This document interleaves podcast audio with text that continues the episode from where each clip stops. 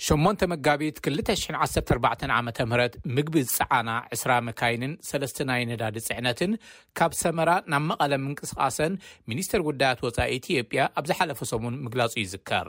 ሕዚ ግን እተን ናይ ጽዕነት መካይን ክጓዓዛ ከም ዘይከኣላ ተፈሊጡ ኣሎ። ሚኒስተር ኣገልግሎት ኮሙኒኬሽን መንግስቲ ዶክተር ለገሰ ቱሉ ከምዚ ይብሉ። ዞን ሁለት በኩል ኣራት ኣምስት ወረዳዎች በወራሪው ሀይል በመያዛቸው።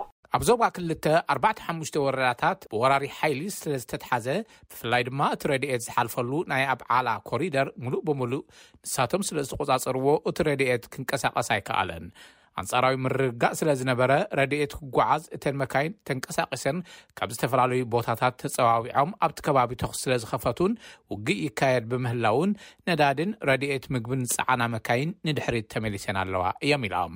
ጉዕዞ ጀሚረን ተመሊሰን ዝብልወን መካይን ናይ ኣየናይ ትካል ረድኤት ምዃነን ኣይገለጹን ዶክተር ለገሰ። ፕሮግራም ምግቢ ዓለም ግን መካይኑ ብሰንኪ ስግኣት ጸጥታ ካብ ሰመራ ተመሊሰን ኣለዋ ክብል ገሊጹ። እተን መካይን ናብ መቐለ ክጓዓዛ ጸጥታ ዘተኣማምን ኣይኮነን ዝበሉ ወሃቢ ቃል ፕሮግራም ምግቢ ዓለም ኣብ ኢትዮጵያ እቲ ኩነታት ዝተሓላለኸ እዩ ኢሎም።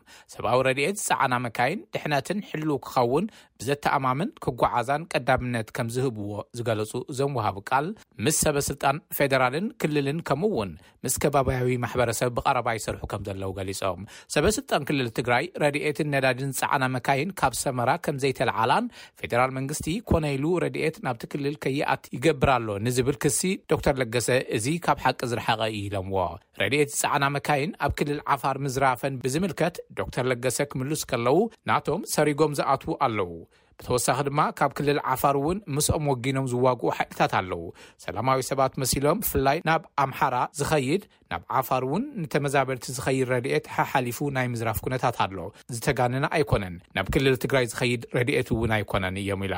ኣብ ቤት ፅሕፈት ርክባት ወፃኢ ክልል ትግራይ ኣተሓባባሪ ምዃኖም ዝዛረቡን ኣብ ካናዳ ዝርከቡን ናይ ኢትዮጵያ ናይ ቀደም ዲፕሎማት ኣቶ ዮሃንስ ኣብርሃ ንቪኦኤ ብስልኪ ኣብ ዝሃዎ መልሲ ናብ ትግራይ ረድኤት ካብ ዝኣቲ ዓሰርተ ሽዱሽተ ኣዋርሕ ምዃኑ ብምግላፅ ሚኒስቴር ጉዳያት ወፃኢ ኢትዮጵያ ረድኤት ልኢኽና ኣለና ኢሉ እንተገለፀ እውን ናብ ትግራይ ተባሂሉ ዝተንቀሳቐሰ ዋላ ሓደ ነገር የለን ኢላ።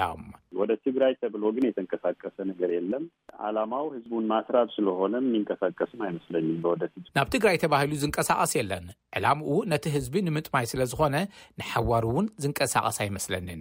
ናይ ትግራይ ሓይልታት እዮም ከምዚ ዝገብሩ ዘለዉ ዝበሃል ሓይልታት ትግራይ ኣብ ውሽጢ ትግራይ እዮም ዘለዉ እዮም ኢሎም። ናይ ኮሚኒኬሽን ኣገልግሎት ሚኒስተር ዶክተር ለገሰ ቱሉ እተን መካይን ዝተመልሳ ዕጡቓት ትግራይ ንመስመር ኣብዓላ ዓፅዮም ብሰንኪ ዝኸፈትዎ ተኹሲ ንድሕሪት ተመሊሰን ክብሉ ንዘቕረብዎ ክሲ ኣቶ ዮሃንስ ክምልሱ ከለዉ ሓደ ኣካል ናይ ገንዘብ፣ ናይ ምግቢ፣ ናይ ሰብ ሓይሊ ምንጩ ዝኾነ ንምውጋእ ይኹን ንናይ ትግራይ ወሰን ንምሕላው ናይ ኩሉ ምንጪ ናይ ዝኾነ ህዝቢ ኣጥምዩ ክፀንሕ እየ ኢሉ ከመይ ክሓስብ ይኽእል ዝብል ሕቶ ምሕታት እዩ ኢላ።